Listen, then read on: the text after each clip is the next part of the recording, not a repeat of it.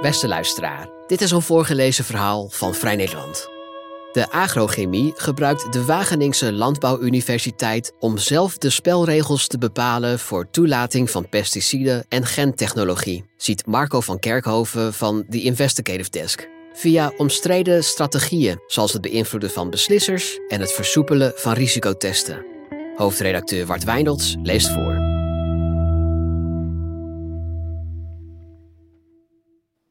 Oké, geweldig idee. De Wageningse voedingswetenschapper Gijs Kleter neemt het woord in een adviescommissie van de International Union of Pure and Applied Chemistry, IUPAC. Hij is blij met het voornemen een goed nieuws nieuwsbrief over pesticiden uit te brengen. Een nieuwsbrief met positieve verhalen over gewasbescherming bevestigt de voorzitter van de adviescommissie, manager regelgeving en wetenschap bij pesticidenfabrikant Bayer tijdens de online vergadering begin 2020.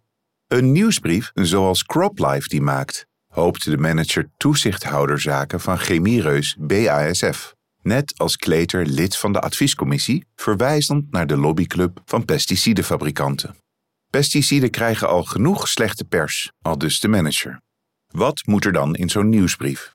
Sprinkhanenplagen in Afrika. Wij weten de oplossing wel, lachen leden in de vergadering. Pesticiden. Ik ben vrijwilliger voor de biotech-onderwerpen, schrijft Kleter in de chat die met de vergadering meeloopt. Kleter is onderzoeker voedselveiligheid en gentechnologie en expert op het gebied van toelating van pesticiden bij het Instituut Wageningen Food Safety Research, dat onder meer controles doet voor de Nederlandse Voedsel- en Warenautoriteit. De website van de Wageningen University and Research, WUR, vermeldt één bijbaan, redacteur van een vakblad. Dat Kleter bij IUPAC, de belangrijkste adviseur aan landen over chemicaliën, pesticidengebruik promoot, staat er niet. Ook niet dat hij advieswerk heeft verricht voor het door Coca-Cola opgerichte International Life Science Institute, een lobbyclub voor de voedingsindustrie. En evenmin dat de Wageningse onderzoeker op verzoek van IUPAC actief is voor de OESO, de Organisatie voor Economische Samenwerking, waar hij pleit voor snellere toelating van gentechnologie. Werk dat hij combineert met advies aan Nederlandse en Europese overheden zoals diverse ministeries en de Europese Autoriteit voor Voedselveiligheid, EFSA. Wetenschappers met conflicterende nevenfuncties zijn geen zeldzaamheid. Maar de ijver van Wageningse onderzoekers om de industrie van dienst te zijn springt eruit. De Brusselse lobbywaakhond Corporate Europe Observatory, CEO, onthulde dat ministeries zich op gevoelige dossiers eenzijdig laten informeren door Wageningse onderzoekers. Het Europees Parlement schreef bezorgd: Wageningen University and Research heeft een traditie van nauwe samenwerking met het bedrijfsleven. Kleter pareert in een interview met The Investigative Desk: Mijn instituut onderzoekt risico's, trends en fraude in de voedselketen. We worden daarom standaard gescreend op belangenconflicten. Ook zijn werkgever is daar stellig over. Mocht een onderwerp voorbij komen waar belangenverstrengeling mogelijk is, dan wordt dit gemeld en onthoudt de onderzoeker zich van advies. Laat het college van bestuur van de WUR weten. Bij het melden van Kleters enthousiaste medewerking aan de redactie van een goed nieuws nieuwsbrief over pesticiden moet dan toch iets zijn misgegaan. Kleter beweert van niet. Hij zegt: de nieuwsbrief schrijft over de adviescommissie zelf, geen jubelverhalen over pesticiden. Dat hij in de IUPAC-vergadering van begin 2020 wel degelijk om jubelverhalen heeft gevraagd, staat hem niet meer bij. En ook niet dat hij redacteur is van de nieuwsbrief die er inmiddels gekomen is en die als titel heeft CropCamp News: Succesverhalen over gewasbescherming. The Investigative Desk onderzocht eerder voor Vrij Nederland de relatie tussen Wageningen University and Research en grote bedrijven. Daaruit bleek dat Unilever de onderzoeksagenda beïnvloedt en dat Friesland Campina vrijwel alleen onderzoek financiert dat is gericht op groei en schaalvergroting in de landbouw. In dit verhaal laten we zien hoe de agrochemie via de universiteit invloed uitoefent op het toelatingsproces van pesticiden en gentechnologie. bevinden onderzoekers die de industrie napraten, studies die verwarring zaaien en wetenschappers die ijveren voor het versoepelen van veiligheidsprotocollen.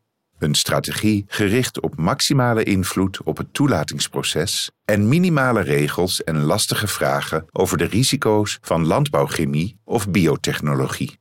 Het doel is helder. Het beeld nuanceren dat pesticiden grote schade aanrichten in mens en milieu en benadrukken dat gentechnologie als CRISPR-Cas, het knippen en plakken van DNA, risicoloos is en in ieders belang.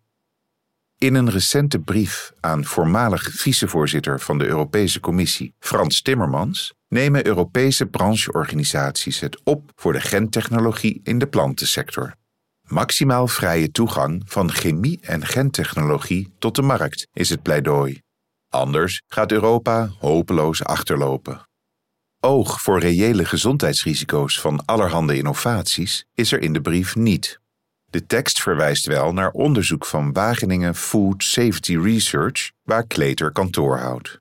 Dat instituut concludeert dat het gebruik van moderne gentechnologie in voedingsmiddelen toch niet vast te stellen is.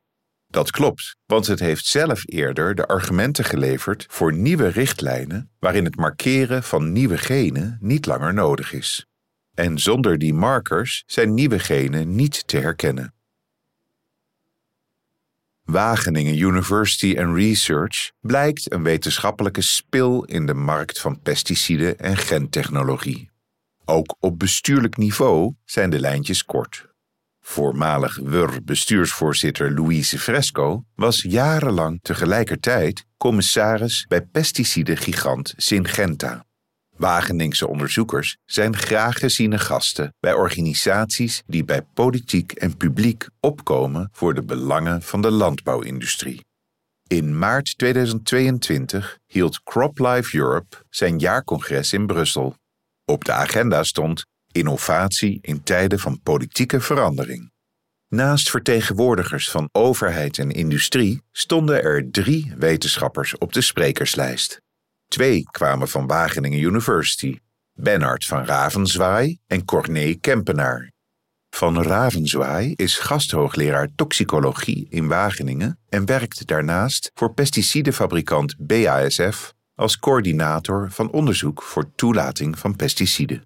Hij is ook voorzitter van het wetenschappelijk comité van ECE-TOC, een in Brussel gevestigde kennisorganisatie met vertegenwoordigers van onder meer de chemische bedrijven BASF, Bayer, Syngenta en Shell. Hun doel is naar eigen zeggen chemische kennis te vormen, verspreiden en communiceren. De benoeming van Van Ravenzwaai in 2013 aan de WUR was omstreden. Critici vreesden voor de onafhankelijkheid van de universiteit door het financieren van een hoogleraar door BASF. In 2016 begeleidde hij een promotieonderzoek dat werd uitgevoerd door een medewerker van BASF. Het betrof een studie naar de voordelen van toxicologische risicoschatting met behulp van computermodellen in plaats van dierstudies. Dergelijke modellen versnellen de beoordeling van pesticiden, maar ze zijn ook minder nauwkeurig en makkelijker te manipuleren. Zijn collega Kempenaar, in Brussel online aanwezig, is naast onderzoeker bij de WUR naar het toepassen van pesticiden sinds 2020 ook lid van het College voor de toelating van gewasbeschermingsmiddelen en biociden. Dit CTGB is de Nederlandse beoordelaar van de risico's van landbouw en huis, tuin en keukengif dat op de markt komt. Om pesticiden op de markt te mogen brengen, betalen producenten het CTGB om de milieu- en gezondheidsrisico's te beoordelen. In de meeste andere Europese landen betaalt de overheid deze kosten. Kempenaar mag van de WUR geen interview geven aan die investigative desk, maar laat over zijn bijdrage aan het CropLife jaarcongres 2022 schriftelijk weten: Ik heb een reactie gegeven op digitaliseringsplannen die zij intern hadden gemaakt. Ik heb daarbij verschillende experts van de WUR betrokken. Dat Kempenaar verantwoordelijk is voor de toelating van middelen die door de leden van CropLife worden geproduceerd, vindt directrice Ingrid Becks van het CTGB geen probleem. Ze zegt: collegeleden hebben een werkkring elders. Ik ben niet betrokken bij de keuzes die een collegelid maakt voor activiteiten in het kader van die andere betrekking. Ingrid Becks was in maart 2022 zelf ook door CropLife uitgenodigd in het Hilton in Brussel. De publieke agenda van de directeur van het CTGB vermeldt de bijeenkomst als EU Regulatory Conference on Crop Protection. De titel van het congres is door de webmaster uit mijn agenda gekopieerd, geeft Bex als reden waarom de juiste titel Crop Life Europe Annual Conference 2022 er niet staat. Bex was niet de enige toezichthouder op het congres. Ook Camilla Thorin van de Zweedse Autoriteit voor Toelating van Chemische Stoffen CHEMI was aanwezig. Bex en Thorin spraken met Bayer en Syngenta over hun ervaringen met Europese verordening 1107. Die eist strengere toelating voor bestrijdingsmiddelen. Bex ziet toelatingsdossiers daardoor steeds complexer worden, waardoor toelating veiliger wordt, maar ook trager, denkt ze. Ze nam het in Brussel op voor de industrie en wil systeemverandering en meer capaciteit om innovaties naar de markt te krijgen. Het Nederlandse CTGB en het Zweedse KEMI zijn twee van de vier nationale toezichthouders die door producenten zijn gevraagd de Europese herbeoordeling van glyfosaat te doen. Deze meest verkochte pesticide, beter bekend onder de merknaam Roundup, is door het Internationaal Agentschap voor Kankeronderzoek, IARC, van de WHO als mogelijk kankerverwekkend bestempeld, maar door de Europese Commissie niet. Half november wordt besloten of het middel voorlopig mag blijven worden gebruikt. De Zweedse hoogleraar regelgeving voor toxicologie, Christina Ruden, is een actief critica van Europese toelatingsprocedures voor chemische stoffen. Ze is niet verbaasd dat CropLife nationale toezichthouders, die nauw betrokken zijn bij lopende toelatingsdossiers, uitnodigt op zijn jaarlijkse feestje. Ze vraagt zich wel af waarom die daarop zouden ingaan. Rudin stelt: De integriteit en objectiviteit van toezichthouders is cruciaal. Die moeten alles doen om te voorkomen dat belangenconflicten van invloed kunnen zijn op hun rapportages.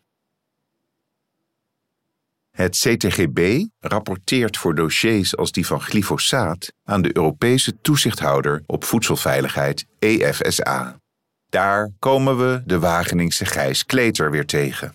In een vergadering van de Commissie voor Voedselveiligheid in 2019 zei Kleter geen nut te zien in verplichte dierstudies voor voedsel dat met gentechnologie is geproduceerd. Net als zijn collega van Ravenzwaai zou hij voor risicostudies liever computermodellen gebruiken, die toelatingsprocedures kunnen vereenvoudigen en versnellen. Het standpunt van de Wageningse onderzoekers past naadloos in dat van de pesticidenindustrie, die ook pleit voor soepelere toelatingsprocedures. In een tijdschrift over toelatingsregelgeving schrijven CropLife, Bayer, BASF en Syngenta in 2021 Voedingsstudies met ratten hebben geen toegevoegde waarde voor veiligheidsbeoordelingen. Ze verwijzen daarbij naar een Europese studie over de gezondheidsrisico's van genetisch gemanipuleerde mais in combinatie met glyfosaat. En ook daar komen we Kleter weer tegen. Hij werkte mee aan de studie. Bijna 375.000 euro van het budget ging naar zijn instituut bij de WUR. Het onderzoek was besteld door de Europese Commissie om duidelijkheid te verschaffen over de risico's op kanker van genetisch aangepast mais wanneer dat in combinatie met glyfosaat wordt toegepast. De kritiek op het onderzoek was fors. Het zou verkeerd zijn ontworpen, niet onafhankelijk uitgevoerd en vooral gericht op het vrijpleiten van gentechnologie en glyfosaat. Titels van wetenschappelijke artikelen zijn doorgaans beschrijvend en neutraal. Maar de titel van het artikel over dit onderzoek in het tijdschrift Archives of Toxicology begint met geen schadelijke effecten in carcinogeniteit. Hier lijkt voor de snelle lezer maar één boodschap van belang. Niets aan de hand met gentechnologie en glyfosaat. Is hier de bijdrage zichtbaar van een andere auteur van het artikel, de Wageningse ingenieur Huip de Vriend. Deze communicatieadviseur is gespecialiseerd in maatschappelijke discussies over omstreden innovaties, zoals gentechnologie. Voor het onderzoek kon hij 175.000 euro declareren, 5% van de begroting. De vriend legt uit dat hij daarvoor consultaties in Wenen en Antwerpen heeft gehouden. Hij zegt: En ik heb aanpassingen in de onderzoeksopzet en interpretatie van resultaten besproken. Hij verzorgde ook de algemene communicatie over het project, zoals de website en persberichten. Hij zegt: Mijn bijdrage aan de publicatie heeft zich beperkt tot het beschrijven van de consultaties en een bijdrage aan de discussie. De keuze voor de titel is des te opvallender omdat Wageningse statistici in het onderzoek wel degelijk bewijs vonden voor een hogere sterfte door tumoren na tweejarige blootstelling aan Roundup en daarover publiceerden. Ze noemen die samenhang tussen blootstelling en tumoren een Roundup-effect. Een studie van de Wereldgezondheidsorganisatie constateerde dat effect ook, zoals de Britse NGO GM Watch opmerkt. Later dienden Kleter en de andere auteurs een correctie in op het artikel, omdat het voerschema van de proefdieren niet zou kloppen. In de gecorrigeerde data lijkt de verhouding tussen het voerschema en het lichaamsgewicht van de dieren aangepast. Gevraagd naar waarom het onderzoek destijds is gecorrigeerd voor de verwerking van de data, laat Kleter weten. Er waren fouten in de vergelijking van consumptie- en gewichtsdata van de dieren uit twee verschillende proeven met verschillende startdatum. Maar wat voor hem nu telt, is dat het onderzoek in het publicatieproces kritisch is bekeken door collega's. Hij zegt: Ik vind vragen erover nu allemaal prima, maar het werk is geaccepteerd en gepubliceerd. Anders dan bovengenoemde studie worden in de toelatingsprocedure van nieuwe pesticiden en gentechnologie onderzoeken naar de gezondheidsrisico's uitgezet en betaald door de industrie zelf. Hoogleraar Rudin en haar collega Axel Mie van de Universiteit van Stockholm vonden aanwijzingen dat de agrochemie doelbewust verwarring lijkt te zaaien met deze onderzoeken. Ze ontdekten in de onderzoeken die de industrie voor risicobeoordelingen aanlevert selectieve en gebrekkige interpretatie van data. De onderzoekers publiceerden er eerder een wetenschappelijk artikel over. Mie vertelt: Onlangs hebben we ontdekt dat bedrijven in 9 van 35 gevallen zelf hun eigen studies over de effecten van stoffen op het zich ontwikkelende zenuwstelsel hebben achtergehouden.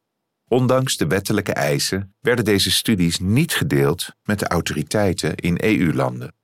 Rudin en Mie willen dat toxiciteitsstudies in opdracht van de autoriteiten worden uitgevoerd in plaats van in opdracht van bedrijven met hun belangen. Mie zegt: dan is de kans groter dat de kennis wordt opgenomen in het dossier voor marktgoedkeuring. De Zweedse onderzoekers willen nog een stap verder gaan. Mie stelt: de industrie heeft een verplichting om alle relevante gegevens aan EU-autoriteiten te verstrekken. Doen ze dat niet, dan moeten boetes volgen. Ondertussen probeert de agrochemie de politiek te bewegen risicotesten en toelatingseisen juist verder te versoepelen. Hoe die lobby in de praktijk vorm krijgt, werd vorig jaar herfst zichtbaar in Praag tijdelijk voorzitter van de Europese Unie, Tsjechië, organiseerde een landbouwconferentie over deregulering en versnelde toelating van gentechnologie.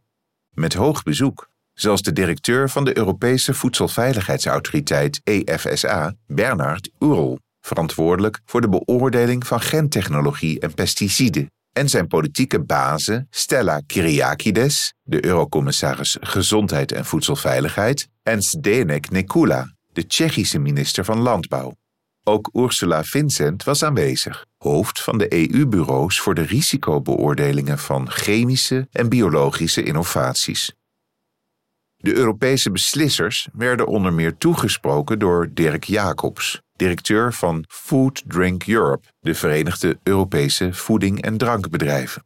Hij wilde de politiek ervan overtuigen innovaties in de levensmiddelenindustrie te versnellen. Bijvoorbeeld, zo zei hij, door tijdelijk flexibel te zijn met controles op labeling en import. Alles moet worden gedaan om de voedselvoorziening veilig te stellen. Europa is de grootste exporteur van voeding en drank in de wereld, benadrukte Jacobs. Hij zei: Om dat te blijven moet je soms de regels een beetje tweaken. Bijval kreeg Jacobs van de directeur van CropLife Europe, de Portugees Olivier de Matos.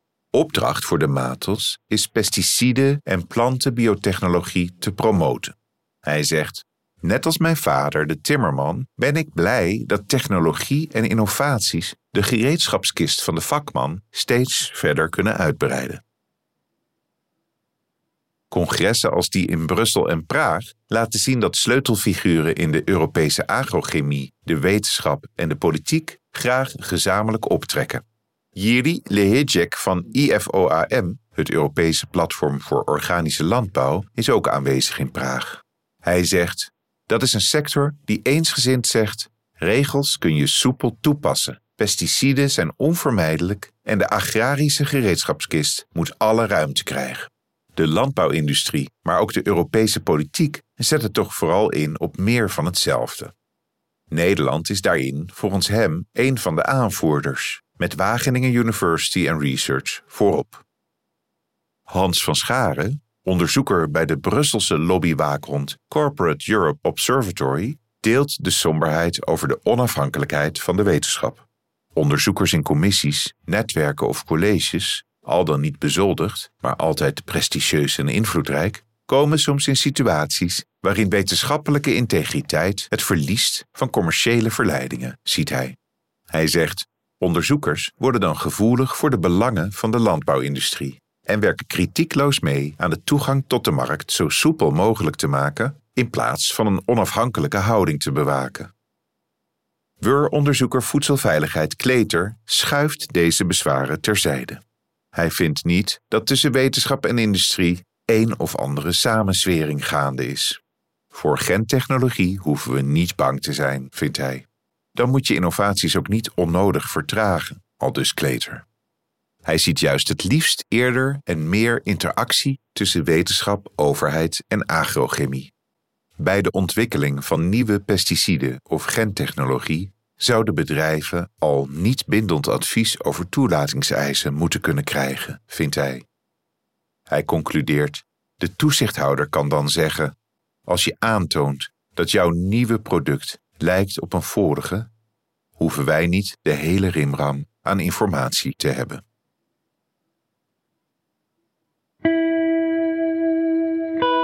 Wil je meer verhalen van ons lezen of beluisteren? Kijk dan op vn.nl of abonneer je op Vrij Nederland in je podcast-app. Voor onze trouwe luisteraars hebben wij ook een speciale actie. Een half jaar Vrij Nederland online voor maar 15 euro. Kijk voor de aanbieding en de voorwaarden op vn.nl/podcast. Bedankt voor het luisteren.